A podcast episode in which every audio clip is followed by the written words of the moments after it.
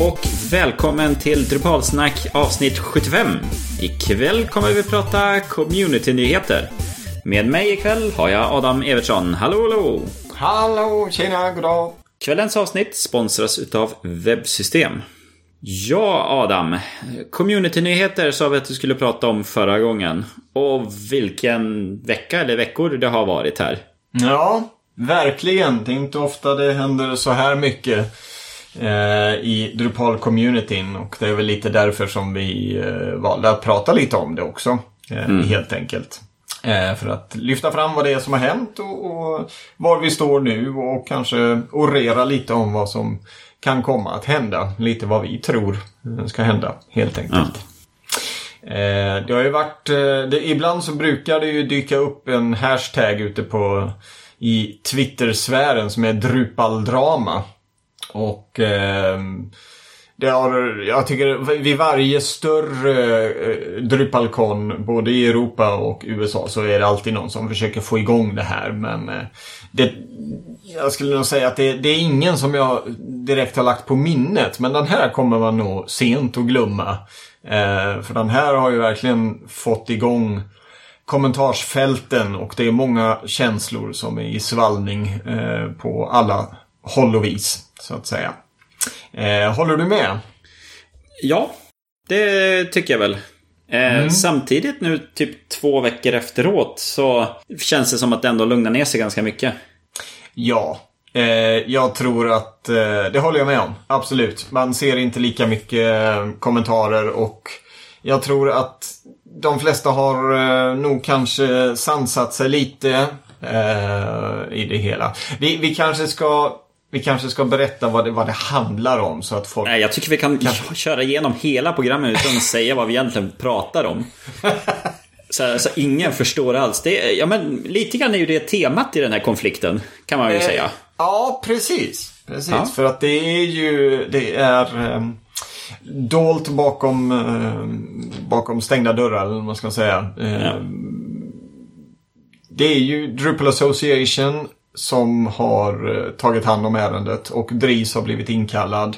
Men eh, det, de har ju valt att eh, inte, eller det, det, inte valt utan det här är ju faktiskt riktlinjer ifrån communityn att eh, eh det som har hänt det, det ska inte vara publikt helt mm. enkelt. Men nej, jag, jag, tror faktiskt, eh, även om du, du hade en kul idé där att inte berätta vad det är vi pratar om, eh, så tror jag ändå att vi ska börja från början. Eh, ja. I alla fall den början som vi känner till, helt enkelt. Ja. Nej, för mig så var det ju som så att jag jag sitter ju och följer med Drupal Planet och sen så hade det kommit ut ett nytt inlägg från Dries. Sen så började jag läsa det och då börjar man se här, det var så jag fick nys om det hela. Och Dries han eh, berättar då att ja, det har ju hänt ganska mycket nu senaste veckorna och jag har pratat med Larry Garfield och har nu bett honom att eh, ta avstånd eller stiga av eh, Drupal-åtaganden. Eh, mm. Precis, och, och, för er som inte vet vem Larry Garfield är så har ju han varit med i Drupal-communityn i nu kommer jag inte ihåg exakt siffra men, siffra, men jag tror alltså eh, gott och väl över 10 år, kanske till och med 12 år. Eh, något sådant. Och han har gjort eh, många commits eh, till Drupal Core. Han har en drös moduler som han har jobbat mycket på och eh, har pratat i stort sett på ja, Drupalcons och Drupal Camps eh, flera gånger om året. Eh, så att eh, det är ett namn som, som man känner igen om man är med i communityn och följer communityn lite grann. Mm. Så att det är inte, det är, det är liksom ingen vilken Svensson som helst som, som står i centrum här och som det här handlar om. Utan det är faktiskt en, en person som har ägnat mycket tid av sitt liv åt Drupal och eh, som, eh, som nu har blivit ombedd att, att kliva ner och eh, helt enkelt eh, inte vara med i communityn längre. Ja. Han var ju också den som drev det här Web Services-initiativet till Drupal 8 också. Ah. Okay. Ja. Så han ja, fanns ju med där, API, REST API, eh, tjofräset. Det blev väl, ja, det blev lite spretigt hur det sen skulle hänga ihop. Men, så han har ju varit med i Drupal 8-utveckling ganska djupt in i det hela. Mm. Mm. Um, nej, mm. och det är, det är ju väldigt konstigt här när man då läser Dries blogginlägg. För att uh, i princip det enda Dries säger det är att ja, eftersom Larry har gått ut i sin blogg och skrivit massor med saker så måste jag ju här uh, bemöta det hela. Och uh, i princip så säger han det att ja, nej men vi har tagit beslut i att plocka bort Larry. Vi vill inte gå in på detaljer för respekt för de inblandade parterna. Mm. Um, och typ, det är det han skriver i det hela. Medans Larry har ju skrivit ett jättelångt blogginlägg. Eh, för att sedan följa upp det med ett till blogginlägg där han i princip beskriver ner sin sida på storyn. Um, det, han lägger ju fram där att han är ju involverad i BDSM-community. Alltså läder och smisk och eh, eh, vad ska man säga, väldigt sån eh, alternativ eh, sexliv-liv. Mm. Kan man väl det, säga. Ja, precis. Och eh, jag tror en utav bitarna där, du, du har alldeles rätt. Det, det är en, en BDSM community som, som uh, han är med i. Och det är också en, en variant av den. Eh, som är, eh, vad ska man säga, dominerande. Där, där mannen är den dominerande parten. Eh, och eh, det finns även en subkultur. Det här är helt nytt för mig, även om det låter som att jag känner till detta. Men det är en subkultur som hette Gore, G-O-R, som tydligen är baserad på en science fiction-bok, en kult uh, science fiction-bok. Um, och orsaken att jag verkligen går in på detta det är att i den här boken, i den här Gore subgenre-communityn så, så eh, man, man klappar med en hand. Ja. Och, och, och det, detta har då retat upp en del personer eh, som känner till detta. För eh, han, han har jag vet inte, jag, jag kan inte klappa med en hand. Eh, inte så att det blir någon applåd av det i alla fall. Men detta har eh, han i alla fall gjort eh, på DrupalCons och liknande. Och eh, det är en del som har, har tyckt att detta har varit stötande. Jo, och Gore, eller Gorian, är ju en sån fantasivärld som är eh, vet skriven av en författare som heter John Norman. Där just kvinnor är jätte eh, underkastade män. Eh, lite grann mm. Amazonas eh, miljö i skogen. Men det är inte Amazonas kvinnor utan det här är slavar som är fastkedjade och de är, ägs utav männen och så. Går man in mm. på Wikipedias sida om Gorian Subculture så är en utav bilderna till och med en kvinna i topless som är fastkedjad. Mm. Um, så att det är ju en väldigt speciell eh, del. Eh, och det, det Larry pratar väldigt mycket om i sin blogg. Det är ju att han eh, vill dels säga det att hans engagemang det bygger eh, på att båda parterna är frivilliga in i det hela, i den leken. Mm. Och att han inte har något problem i övriga världen utan det där är bara hans privata liv eh, och hans dating del och det har ingenting med hur han ser på omvärlden i övrigt. Precis, och han betonar väl också att han inte på något sätt har låtit sitt engagemang i Drupal-communityn färgas av det som han har i sitt privatliv. Mm. Mm. Och han möter ju lite grann så kritik för att det som det, det som verkar är ju det att det har varit folk som har hittat hans profil i de här communityna och känt att det här rimmar inte med Drupals värderingar och har ju då tagit ut eh, information som han har skrivit ur sitt sammanhang och lämnat ut det till eh, eh, vad heter det, Drupal Working Group där. Mm. Eh, och där han då i sitt blogginlägg bemöter det hela för han har ju som sagt han har ju skrivit ett, eh, blogg, eller ett, ett tal till ett eh, bröllop mellan två vänner som höll på med Gorian. Mm. Där han har sagt just att alla kvinnor är slavar. Och det försvarar han med att det där är ett, ett citat som är taget ut sitt, sitt sammanhang. Det var menat till ett par som levde eh, i, i en symbios, ett sånt förhållande redan innan. Och att det där var som helt ryckt ur sitt sammanhang. Att det inte egentligen värderingar står bakom utan det är mer som ett rollspels eh, argumentation som du säger här, det är ju någon då som har hittat eller råkat snubbla över hans eh, profil på eh, en dating sajt eh, för den här subkulturen eller på något sätt hittat denna. Och eh, då, eh, om, jag, om vi baserar det bara på vad Larry har skrivit så, så eh, satte de ju igång med en slags övertalningskampanj riktat, verkligen personligt riktad mot Larry där de tycker att så här är inte okej. Okay, liksom. din inställning är felaktig. Det är i alla fall så han beskriver det. Mm. Eh, och han blev uppringd av eh, en person eh, där han verkligen försöker övertala Larry att eh, det här är en felaktig inställning att ha. Man kan inte ha den här inställningen i ett jämlikt samhälle som vi ändå lever i. Och så vidare. Eh, så Larry tycker ju att han har blivit utsatt för förföljelser.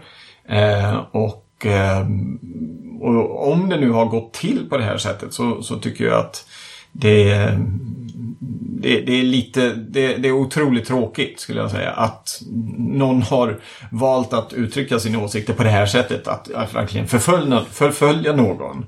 Och sedermera då även eh, ta skärmdumpar och skicka in detta till eh, vet det, Community Working Group. Och jag tror också att, eh, som du nämnde innan då, att Dries eh, skrev i sitt blogginlägg att han kan inte gå in på djupet på dem, eh, på alla aspekter av det här ärendet. Och det är ju att eh, det som skickas in till Community Working Group, det, det, det stannar ju där. Det är inget mm. som görs publikt. Utan de har samlat in så mycket information som möjligt och eh, i alla fall Dries beklagar att ja, det är otroligt tråkigt att vissa utav de här bevisen eller den här informationen har kommit in på tveksamma sätt. Och det skulle jag kunna tänka mig är de här skärmdumparna eller eh, hur de nu har kopierat informationen ifrån de här datingsajterna. Mm. Eh, och eh, han har i ett senare blogginlägg också fördömt det sättet. Att det, det, det är verkligen inte okej okay att göra så. Mm. Men det kom in och eh, sen eh, Ja, sen har ju det rullat på så att säga och jag kan tänka mig vilket, vilket hemskt jobb det har varit för arbetsgruppen att, att få detta i sitt knä och eh, behöva reda ut det. Jo, och eh, som sagt i nästa blogginlägg så försökte han ju bemöta mer utav kritiken som har lyfts eller pratats och så. Och just där han svarade om han tycker att kvinnor är lägre än män och lite sånt. Och då säger han, nej men det säger han inte. Utan, så han försöker ju som... Ja men han har ju försökt lyfta fram sin sida. Eh, samtidigt så har det ju, det har ju skrivits jättemycket om det hela just på Twitter. Men jag har också hittat på Reddit. Där man pratar om allt ifrån att man tar hans sida till att man vill att Dries eh, ska eh, inte vara ledare för Drupal längre. Mm. Och tycker att det här är helt fel och de bitarna. Så, och det har ju... Um, ja men det, kom, så det kommer väldigt många blogginlägg. Och eh, jag tänkte bara ta några stycken eh, här för att eh, Jam som vi känner till, han med mustaschen. Ja, eh, Jeffrey ja. Vi, ja, vi Jeffrey. kanske, innan vi går in på det, vi kanske ska klargöra också att han har ju faktiskt dels blivit eh, ombedd att, att kliva ner ifrån från Drupal, sitt Drupal-engagemang. Eh, men han har ju också blivit eh, utestängd ifrån eh, vissa Drupalcons eh, och, eller Drupal Camps. Och eh, det är ju faktiskt olika delar av, av communityn som har tagit beslut till detta. Eh, Community Working Group har bett honom att inte tala på, på konferenser medan Dries har, har varit han som har bett honom att kliva ner från sitt Drupal-engagemang i alltså projektet. Och Megan som är ordförande för Drupal Association har ju varit med och plockat bort honom som track officer för DrupalCon Baltimore. Eh, så han får ju inte vara med där och han får inte vara med och tala på de föreläsningarna heller där. Mm. Så han har ju verkligen blivit bortplockad från communityt. Allt förutom kod är han ju helt bortplockad ifrån. Mm. Precis. Och, eh, och det är väl ändå lite höljt i, i dunkel då exakt vad det är som har kommit in. Vi kan väl återkomma till det och, och se vad, eh, vad vi tror att det kan vara. Eller rätt sagt vad, vad vi inte tror. Ja. Eh, men du nämnde Jeffrey där. Eh, Ja, Jeffrey, Som, som är ett par utav alla blogginlägg som har skrivits om detta. För det, det är verkligen lite drama över detta. Det är många som har valt att uttrycka sin, sin åsikt både i kommentarer och eh, separata blogg, blogginlägg. Jo, och Jeffrey han skrev ju just det att ja, men eh, Drupal, jag har, jag har tagit sida i den här konflikten. Eh, och han väljer eh, communitys sida. Och sen så har han ett blogg, långt blogginlägg om hur viktigt det är att vi som community, vi måste ändå eh, s- hålla ihop. Vi måste kunna få jobba igenom svårigheter och vår community är viktigt som, som det är med, med den eh, diverse, alltså den mångfald vi har.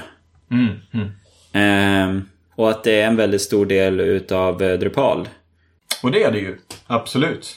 Över, eh, vad är vi? Över en miljon medlemmar va? Ja.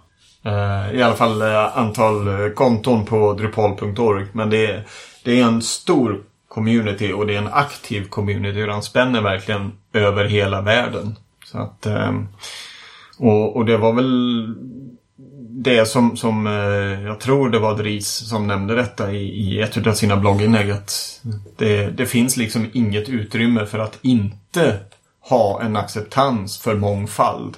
När du har ett projekt som är så så stort och som spänner över hela världen. Du har liksom alla nationaliteter i stort sett.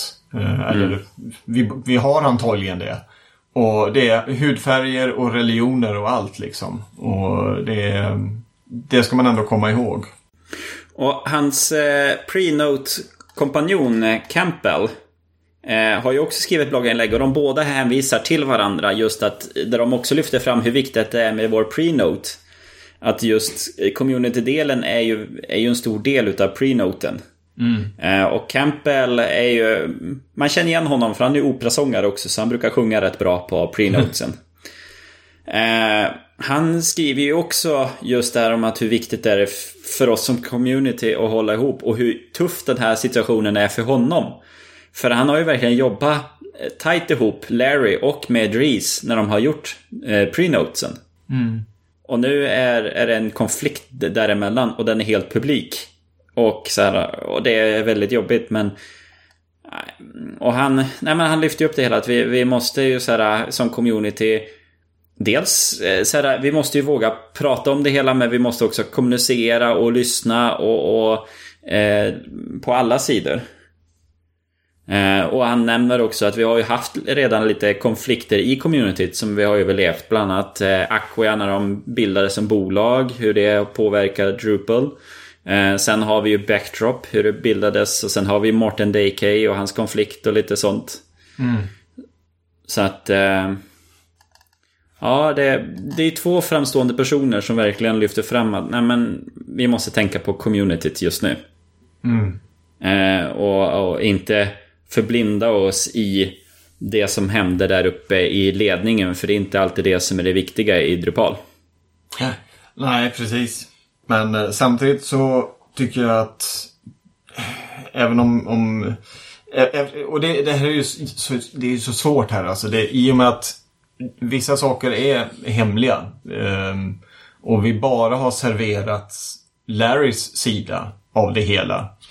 Eh, så är det ju jättesvårt för, för oss som inte är insatta i det att, att ta en, en, eh, en riktig ställning eller ta en, eh, en rättvis ställning i det hela. Eh, och eh, som, som jag nämnde innan att jag, är- jag är absolut inte avundsjuk på, på arbetsgruppen eller GIS som har tvingats ta så jobbiga beslut som att, att faktiskt be någon eh, lämna, lämna projektet. Eh, baserat på, på vad som har hänt här. Men eh, jag tror att det är många som har tagit illa vid sig av den här händelsen. Det är många som, som du nämnde, har kritiserat DRIS för ledarskapet. Men jag tycker ändå att om det nu är så eh, allvarliga saker som har kommit fram och det har inte med eh, Larrys eh, vad ska man säga, eh, privatliv att göra eller hans inställning utan det är ju saker som har hänt. Eh, och där kan vi ju bara spekulera. Eh, men jag, jag tycker ändå att, att om sakerna nu är så allvarliga eh, så att man faktiskt väljer att be någon lämna ett projekt. Då, då har ju DRIS tagit eller axlat den manteln och gjort det som, som man bör göra. Mm. Eh, jag menar, det, det är ju sånt som händer i, i regeringar överlag. Liksom. Är det någon minister som, som gör bort sig så måste statsministern eller, eller premiärministern säga tack och adjö. Du får, du får sticka här. Samtidigt så är ju detta en ideell verksamhet. Det är community, man lägger in sin egen tid.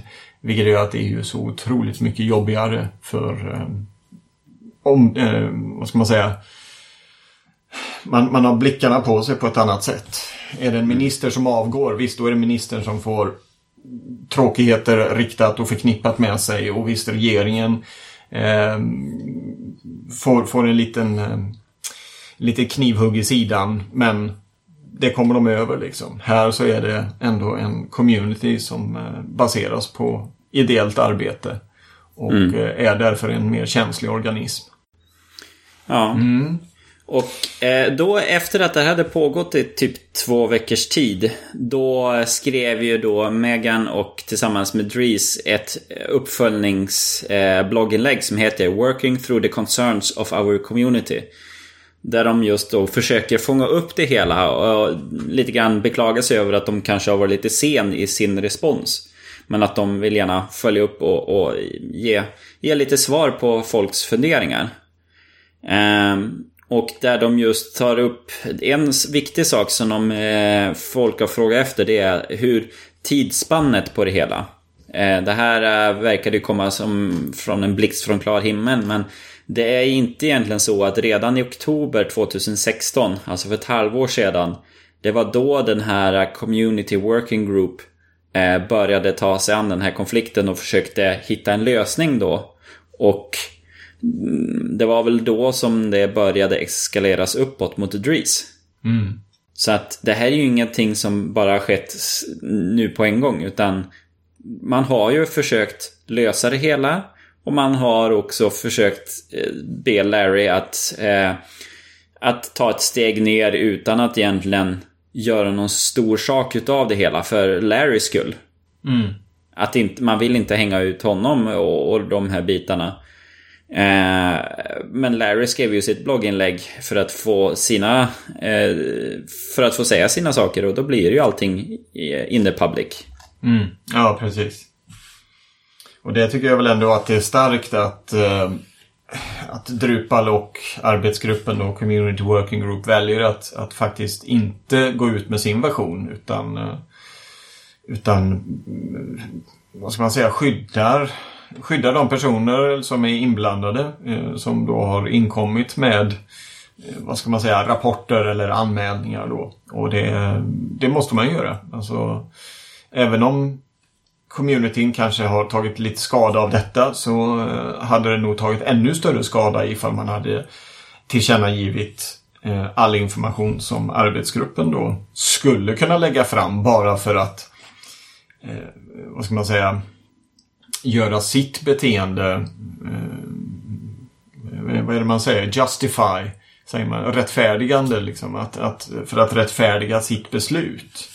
Eh, så att, och det här pekar ju på en, en väldig professionalism inom Drupal-communityn. Att det finns eh, ett satt arbetssätt när sådana här grejer händer. Liksom, det, det, är inte så att man går och klagar hos vem som helst utan är det någon som har blivit utsatt för trakasserier eller liknande som de tycker är så allvarliga, ja då finns det regler och, och arbetssätt för detta. Och det är det som har skett här under då, som du säger, sex månaders tid. Lite mm. mer än det.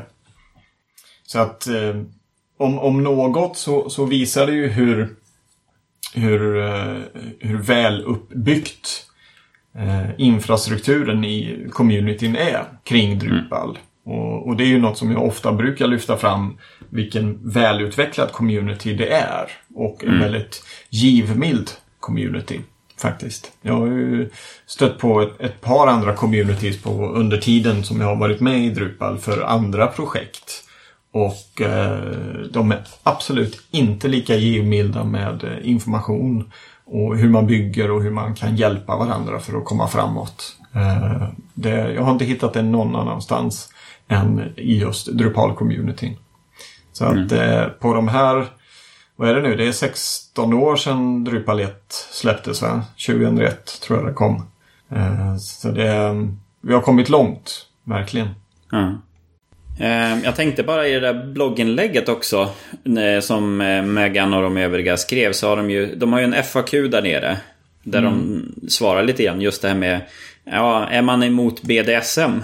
Eller andra non-mainstream sexual practices. Och det är inte så här, nej det är absolut inte det. Vi är en open-minded and inclusive community. Mm. Eh, men det är så här, ja men vad informationen? Vad, vad baserar man det här beslutet på? Och då, säger, då listar man ju de här fyra punkterna. Dels är det reports both formal and informal. Eh, och sen B. Some of the Larry's online interaction both on and off Drupal.org. Och sen C. Information provided by Larry during substantial, substantial discussions to get clarity. Och D. Information from one or more members only sites. Och it should be strongly noted that we do not condone the manner in which the last source of information was gathered by members of our community. Mm, precis, och det var ju det vi nämnde i, i början ja. där, där de har tagit skärmdumpar. Det som Larry lyfter fram i sitt långa, första långa mm. eh, blogginlägg. Nej, jag tycker att eh, Megan, eh, Saniki och eh, den här CVG Community Working Group tillsammans med Dries har, har gjort ett, ett riktigt bra jobb. Ett mm. proffsigt jobb på det hela. För det är ju sådär... Det är ett jättesvårt så problem det hela här. Mm. För att Även om man håller det bara till sig privat och de bitarna. Så är det ju, om det här kommer ut i fel situation. Så kan, så kan det ju svärta ner Drupal som så här, ja men vad är Drupals värderingar? För det, det är ju som du sa tidigare, det är, så, det är sån stor skillnad på att vara en vanlig medlem och vara en ledarfigur i en organisation. Mm. Du, du har ju en helt andra krav på dig hur du Eh, ska förhålla dig och hur du ska vara. För att Eh, för att folk har så lätt att ta ledargestalters värderingar för organisationens värderingar. Ehm, så att det är ju det är ju ett jättesvårt problem om hur man ska ja, hantera det på ett bra sätt.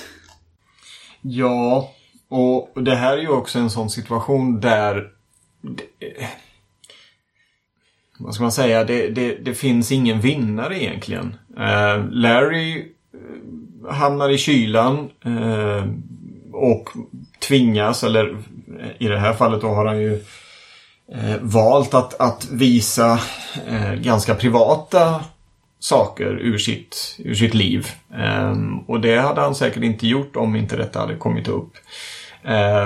Och Arbetsgruppen DRIS har tvingats ta ett stort, tungt beslut. Och communityn har då i viss mån eh, skadats. Det, det, är många kommentarer där de fördömer eh, hanteringen av detta. Eh, de fördömer att, att de ens har tagit upp det. De fördömer eh, både DRIS och arbetsgruppen och Megan och de säger att jag kommer aldrig att använda Drupal igen på grund av detta och jag kommer att lämna communityn och jag kommer inte att komma tillbaks till communityn förrän jag har gett honom en ursäkt och så vidare och så vidare. Om vi, om vi blickar framåt eh, eller om vi tittar på situationen som den är nu. Hur, hur tror du att de kommer att backa? Har de, har de ens möjlighet till det? Eh, Jo, men det tror jag då. Eh, de skulle kunna göra eller så.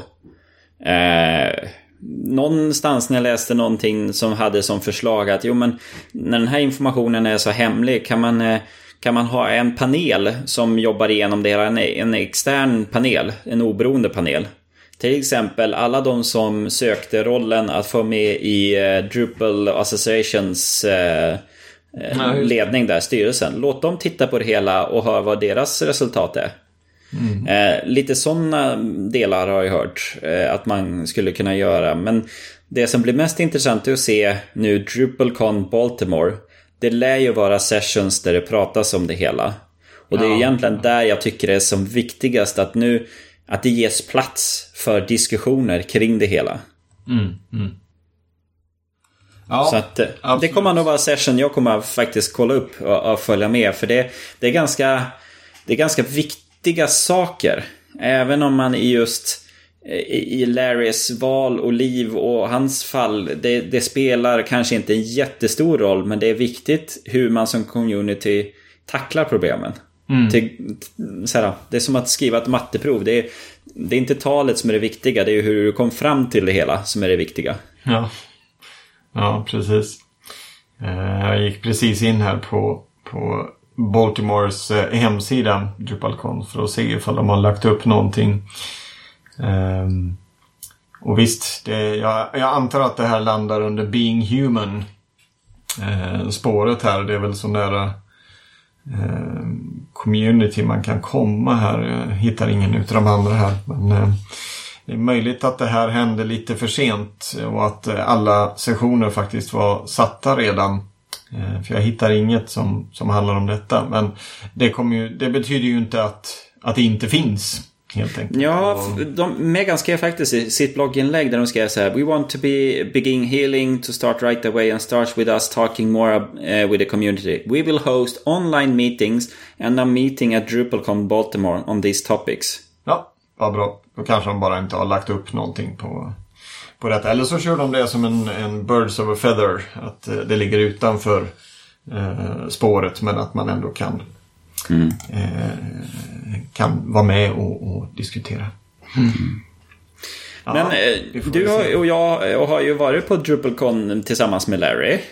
Ja, Hade du, hade du sett att han klappar bara med en hand? Eh, ja, jag undrar om jag inte har gjort det. Eh, det jag, se, jag ser det liksom framför mig men sen har jag ju en livlig fantasi. Eh, så att jag, jag, jag kan inte svära på det faktiskt. Men, eh, men jag vet ju att, att, eh, att jag har sett honom i, i på, vad ska man säga, de sociala tillställningarna utanför själva Drupalcon, alltså på Trivia Night och, och eh, på pubkvällar och liknande. Men eh, jag, jag har ju inte, jag har aldrig pratat med honom, jag har bara sett honom, jag vet hur han ser ut, jag vet vem han är. Eh, men, eh, och som sagt, jag tror att jag har sett att han har klappat med en hand och det har varit så här, ja det var lite konstigt. Men skitsamma liksom. Jag Ja. hade ju ingen aning om att det var någon, någon hemlig, hemlig signal eller vad man ska säga att, att så gjorde man inom den här Gorian eller Gore subkulturen. Och eh, även om jag hade vetat det så, ja, svårt att veta. Jag, jag tror inte att jag hade brytt mig. Det är hans, hans privatliv liksom.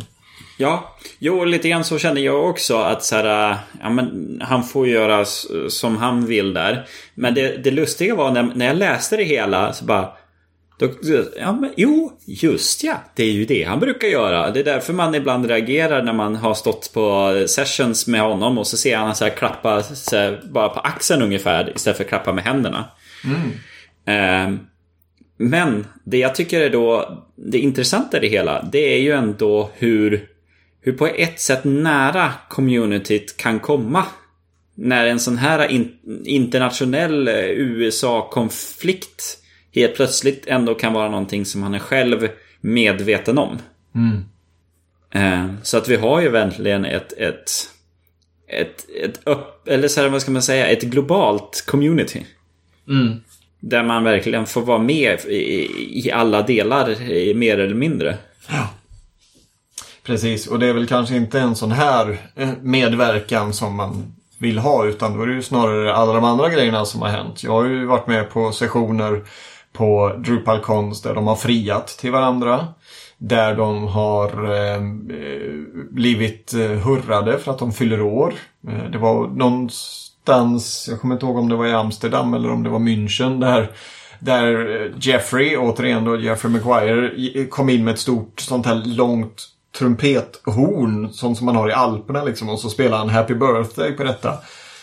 Det är det är sådana bitar som man hellre vill höra och, och vill ta del av. Inte det här andra. Men det, nu har vi det och, och Ja, nu är det bara att leva med det, man ska säga. Eh, ja. Vi får väl se hur, eh, hur det kommer att bli. Eh, och jag, jag är övertygad om att vi kommer att komma över det. Om mm. några år kommer det kanske inte vara bortglömt men det kommer ju inte att finnas i allas frontlob i alla fall. Mm. Men, mm. men det blir nog, om man sammanfattar Drupals 30-åriga historia här om, om 14-15 år så kanske detta blir en, en, en, del av ett kapitel i alla fall. I, i mm. dramakapitlet så kommer det att dyka upp. Eller händelser som skapade och, och, och eh, satte, satte sitt avtryck på Drupal. Och då är det Drupal-Geddon från tre år tillbaks och så är det kanske detta. Och Drupal Flu kommer väl också upp. Ja, fast den är ju återkommande så det är ingenting att titta tillbaka på. Nej, det är sant. Det är sant. Ja. Nej, det är eh, intressanta saker och eh, skvallertidningsbiten eh, av mig hade ju gärna velat sätta gaddarna i all information kring detta. Men det kommer vi inte att få. Det tror jag i alla fall inte utan arbetsgruppen kommer att hålla det för sig självt så som de bör. Och um, tills vidare så är det bara Larrys version av historien som, som man kan läsa. Och det är, mm. det är mycket. Han har mycket att säga. Och det kan jag, det kan jag förstå också. För uh, han, det verkar ju som att han inte riktigt har blivit hanterad på ett schysst sätt av då den här personen eller personerna som har drivit ett ärende mot honom. Men, men samtidigt så, så vet vi ju inte. Vi har ju inte hela bilden. Ja, nej så att det känns som att nu har vi... Vi har pratat om det hela. Eh, nu, just nu finns det inte så mycket mer vi kan göra just nu. Utan eh, det känns som att vi kan lämna det och hoppas på det bästa. Ja, precis. Vi får väl se i framtiden om vi behöver komma tillbaks till det här ämnet. Helt enkelt. Det kanske kommer fram mer information pö om pö. Men eh, förhoppningsvis så, så får vi hoppas att communityn läk, läks helt enkelt. Då är det nog dags för oss att runda ut av det där jobbiga ämnet. Nu har vi pratat om det hela och sen får vi se vad som händer framöver. Eh, nästan 40 minuter pratar vi om det hela Adam. Så mm. nu börjar det bli dags för eh, eftersnack va snart? Ja, det var, ja. det var mer eh, att snacka om än vad jag, vad jag faktiskt trodde. Jag trodde vi kanske kunde fylla halva programmet. Men, eh, men det märks, eh, bara, bara där märks det ju faktiskt att, att det är ett ämne som har berört oss. Både mm. du och jag är ju involverade i communityn och vurmar för Drupal-communityn. Så att vi hade mycket att tycka och tänka om det. Mm. Så med det tänkte jag säga att kvällens avsnitt har sponsrats utav Webbsystem. Och vill ni höra mera avsnitt i framtiden så finns vi på Twitter, vi finns på hemsidan och vi har RSS-flöde.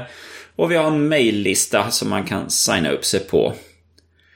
Och för er som inte kommer med och lyssnar vidare i eftersnack så säger jag och Adam tack och godnatt. Godnatt, Hejdå!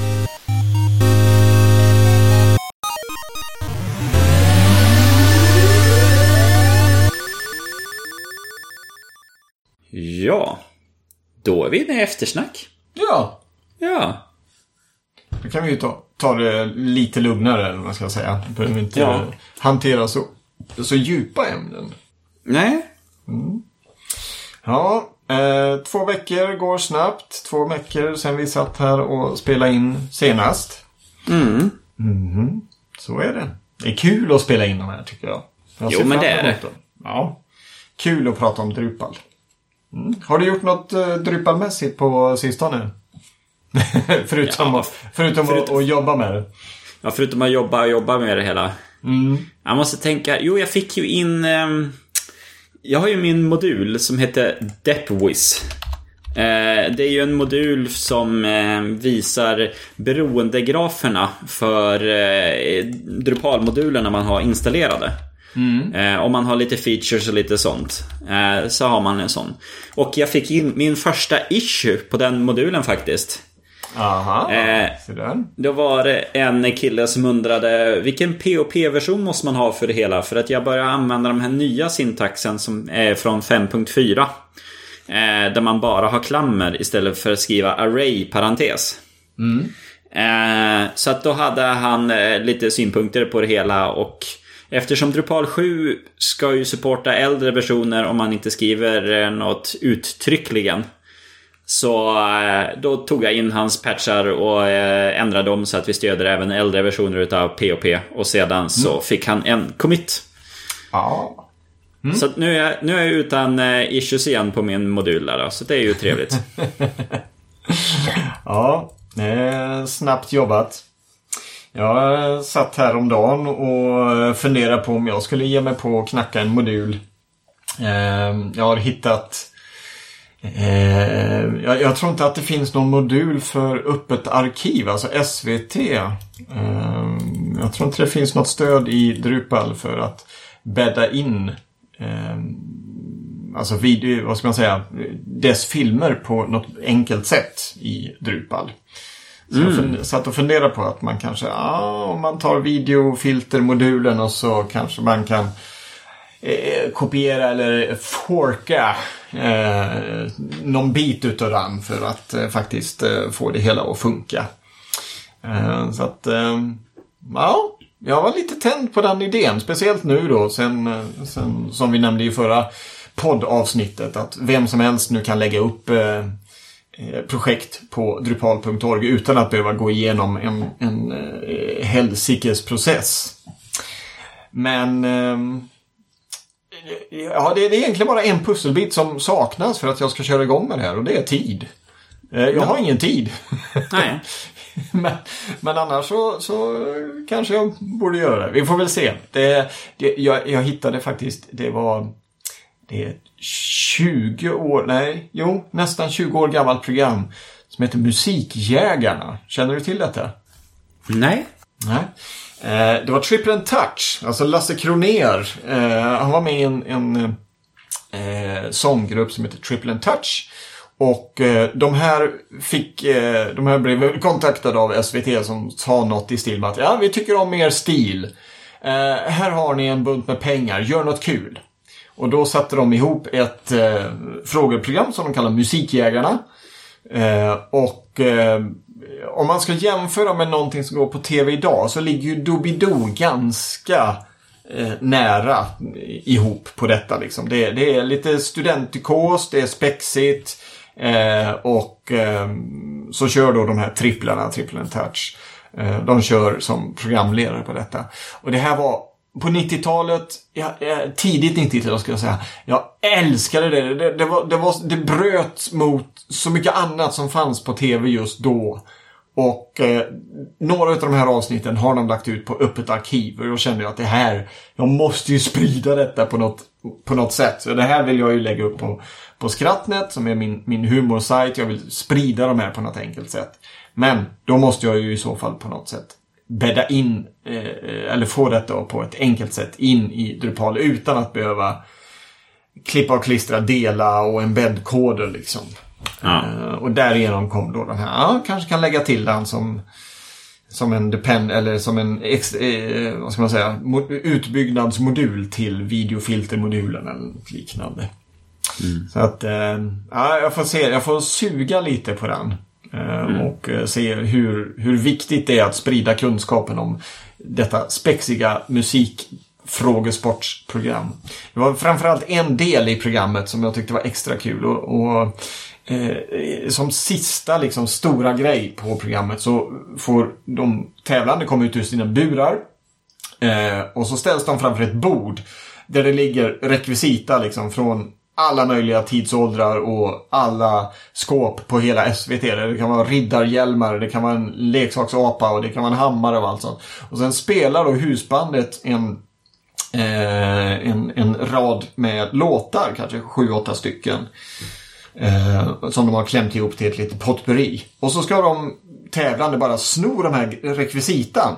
Så till exempel skulle, skulle de ha med Hound Dog utav Elvis. Ja, då kanske de, eh, den, en av tävlarna snor en leksakshund. För att han sjunger ju faktiskt med en hund.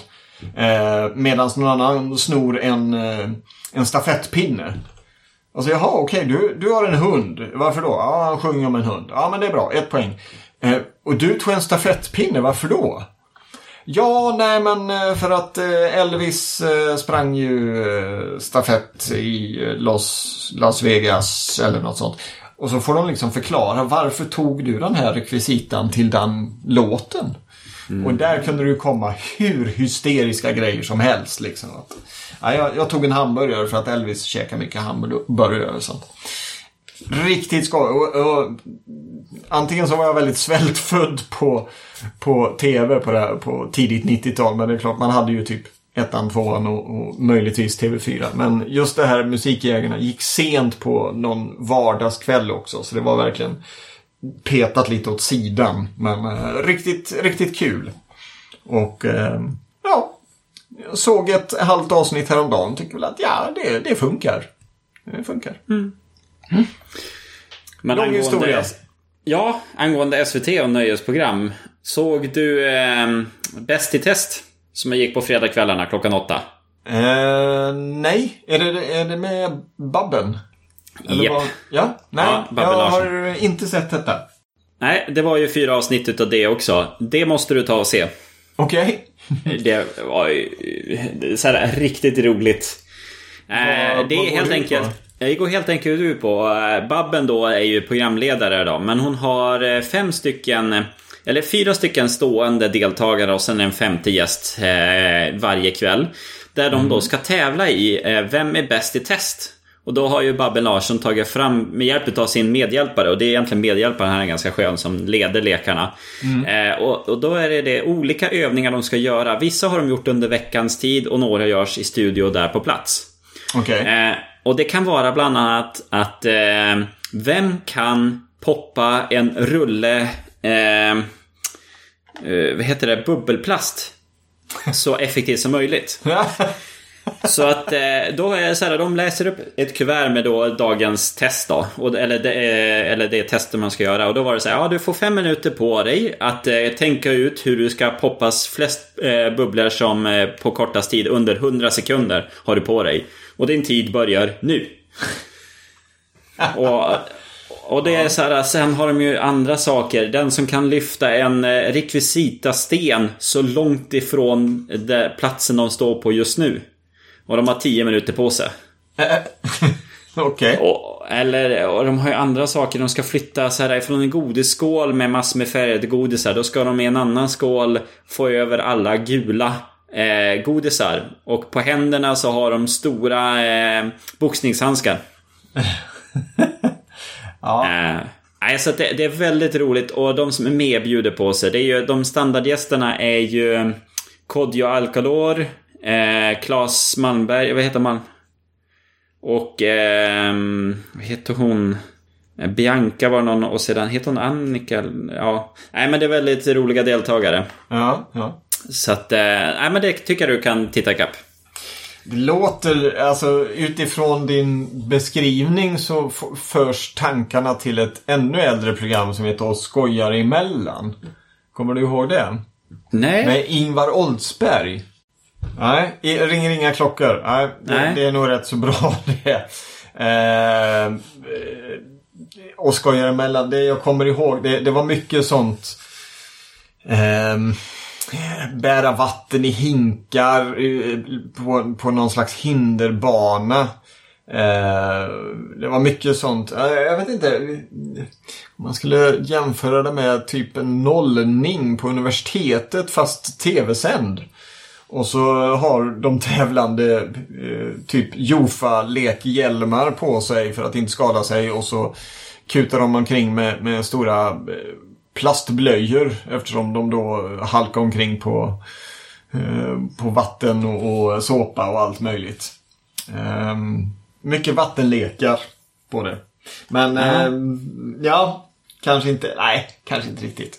Jag får, eh, jag får se om det finns något, eh, något klipp ute på nätet som jag kan länka in så att ni får se vad, vad det är jag försöker jämföra det med. Det finns säkert där ute. Mm. Mm.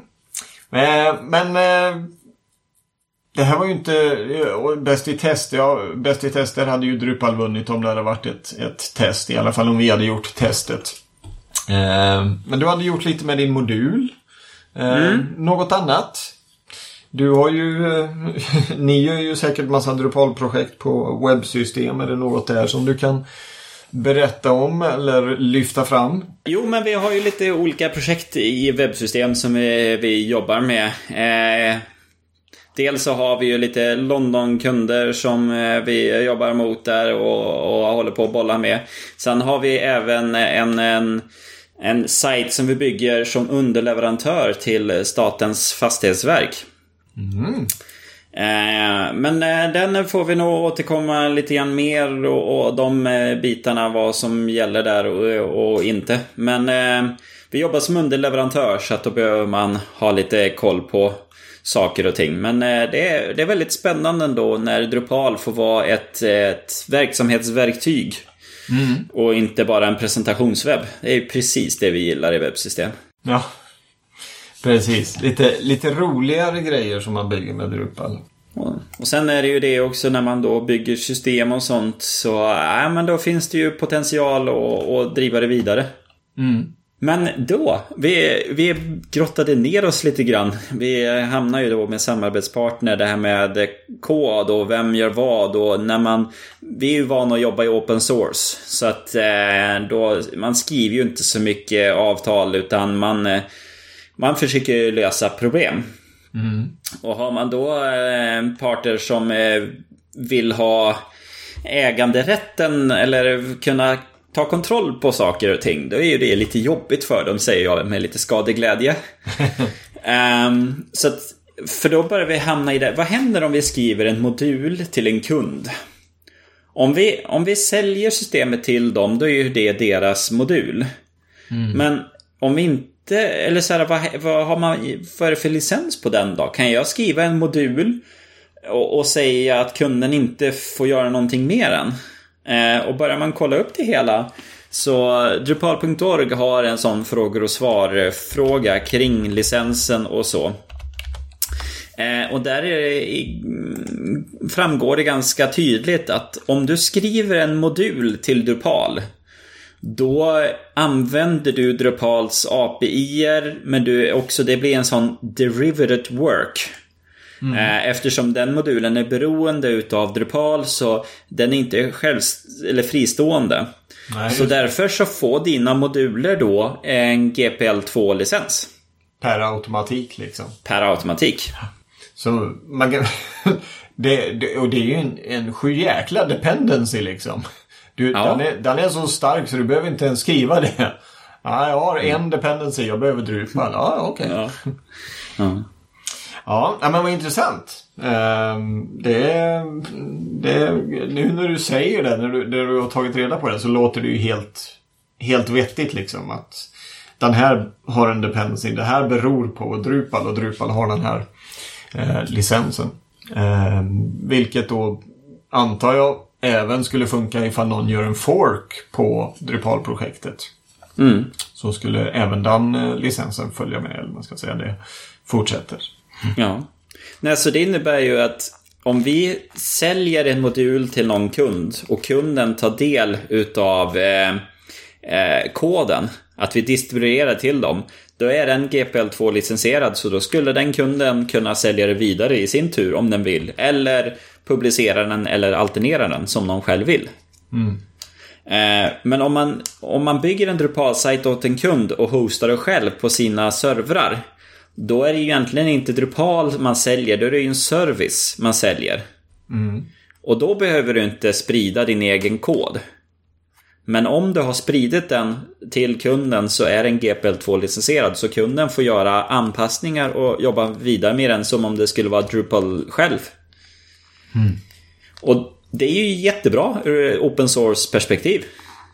Mm. Eh, men vi höll också på att fundera, hmm, vad hände med de här eh, projekten där vi har tagit över efter en annan byrå. Den byråns gamla kod finns ju kvar där. Eh, de har ju gjort egna moduler. Oftast kanske det är bara features-delar, men de kanske har skrivit någon egen, någon egen kod och hooka in sig och göra några saker. Den koden är ju GPL2-licensierad. Mm. Då kanske inte vi som ny eh, samarbetspartner kan ta slutkundens kod. Men slutkunden kan egentligen göra vad de vill. Så att det är ju det är frågan också där, hur, spelar det någon roll hur du får tag på GPL2-licensierad kod? Har det någon, spelar det någon roll egentligen? Om vi har, för om vår server blir hackad och någon kopierar moduler som inte vi har publicerat någonstans. Är den GPL2-licensierad då så att de får egentligen göra vad de vill? Även om de har kommit över den via en hackning? Oj. Mm? Vilka intressanta frågor här. Mm. Ja, du. Så att eh, vi kände ju det, det är ganska skönt att bara veta det att det vi skriver är open source. Det viktiga är egentligen inte den exakta koden vi skriver utan det är den kompositionen vi lyckas göra och den att vi är effektiva att lösa det hela. Mm. Det är det som är det viktiga. Inte exakta den koden. Det är inte, vi ska inte sälja licenser att skriva en kod en gång och sälja det hundra miljoner gånger. Och för en jättedyr peng och tjäna mycket pengar utan att göra mycket jobb. Utan vi ska sälja lösningar till kunder och anpassa dem efter kundens lösningar. Det låter vettigt, tycker jag. Ja. ja. Kör på det. Men ja, som sagt, licenser är intressant. Har ni funderat någonting på det? På att koda mera? Um... Nej. Men jag tror att det är nog någonting som, eh, som främst utvecklar, eh, utvecklardelen av Kodamera kanske snackar mer om.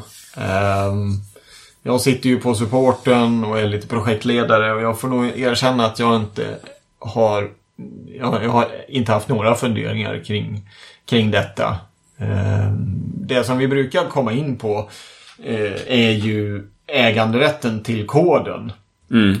Um, I projektet liksom. Det, jag får ju ofta, i och med att supporten är en väldigt enkel väg för kunden att komma in. Alltså för nya kunder också. Uh, och det, det, är väldigt enkelt för befintliga kunder också att slänga iväg en fråga. Liksom. Och då är det ofta så, om vi väljer er som leverantör och ni bygger vår sida eller om vi om vi tar hjälp av er, vem, vem äger koden? Och uh, där, där säger jag alltid att ja, det, det, är, ju, det är ju ni. Det, mm. Ni kan, uh, vi kan jobba tillsammans och sen kan ni gå till någon annan ifall det skulle Ifall det skulle bli någon schism eller något sådant. Men, uh, men vi äger ju inte koden. Vi, vi bygger den inte och, och behåller den. Utan det här är ju mm. någonting som ni kan ta med er. Och då, mm. Den frågan fick jag senast idag när vi var ute hos en kund. Att eh, vem, var finns koden och vem äger den? Jo, ja, men den ligger i, i ett Git-repos och det har ni full tillgång till och vill ni lämna oss så ja, då gör ni det. Då tar ni ert pick och pack och går liksom. Men just, eh, just, kom, just när det kommer till licenser och, och vilken, eh, vilken status det är på dem. Nej, Eh, inte, inte för min egen del. Därför att där har man ju eh, just det med, det är ju skillnad på eh, äganderätten och fullständig nyttjanderätt. Därför att jag vet ju, jo, därför att eh, våra kollegor mitt emot oss, eh, våningskollegor, de kör ju Site Vision. Mm. Och i upphandlingar så vill, skriver ju kommuner ibland att nej men vi vill ha fullständig äganderätt på koden. Och det är så här, nej, ni kommer inte kunna få äganderätten, men ni kommer kunna få fullständig nyttjanderätt. För att om de har äganderätt så får de ju sälja den vidare. Och i deras fall så vill de inte göra det. Har de gjort ett, en modul, en SiteVision-modul för den där kunden, då vill de ju inte att den där kunden ska kunna sälja den modulen vidare till någon annan. Mm. Eller ge den till någon annan kommun eller så. Så att då har de ju inte äganderätten till koden, men de har fullständig nyttjanderätt. Ja, ja, ja. Du tänker så. Mm. Mm. Eh, så att på det sättet så får man ju också hålla, vilka ord använder man av de bitarna? Ja, eh. precis. Och, och, att kunden förstår skillnaden. Ja. ja. Eh, det som är intressant, jag kollade upp på Wordpress.org och deras licens. Mm. Eh, för jag blev så här, undrar hur de gör, för där finns ju många köpmoduler och sånt. Ja, precis. Eh, och så börjar man läsa där, men eh, Wordpress den är GPL2 licensierad. Och de pratar här om plugin och teman och sedan så, ja men eh, Titta här! Drupal har ju samma GPL-licens som Wordpress. Och här har de en väldigt bra sida där de pratar om licenser. Och det var den jag läste tidigare. Nej. Så de hänvisar till Drupals dokumentation om eh, regeltolkning. Nej, eh, där egentligen då Wordpress-plugin och teman är GPL2 licensierade också. Mm. Eh, men de skriver då There is some legal grey area regarding what is considered a de uh, derivative work. But we feel strongly that plugins and themes are delivered work and those inherit the GPL license.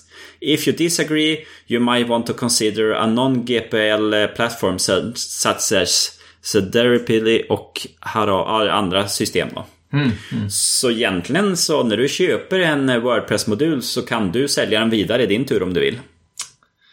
Se där. Ja, det har jag inga planer på att göra. Nej. Nej. Jag tycker det är...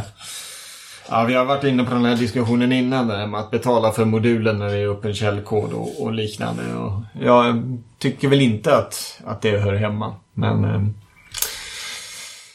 tider förändras. Men jag, jag, vet ju att inom Drupal så har du ju försökt göra sådana eh, ja, göra sådana försök att liksom kunna ta betalt för det. Men eh, det, det lyfte aldrig. Jag tror att eh, det var ett sånt eh, stort motstånd mot det helt enkelt. Mm. Ja, så är det. Så är det. Ja. Vad säger du? Börjar det bli dags att runda av lite? Ja, men det tycker jag väl. Nu har vi ju saker att fundera på ikväll. Ja, verkligen. Sova gott med licensparagrafer eh, och sånt. Mm. Mm. Ja, nej men vi säger väl så. Ja. Eh, nästa avsnitt har vi inte riktigt bestämt vad vi ska prata om. Men jag tror säkert att vi kommer att klara av att fylla ytterligare tid i podcastsfären. Tror du inte det? Jo, men det tror jag. Mm. Tack och godnatt! Godnatt!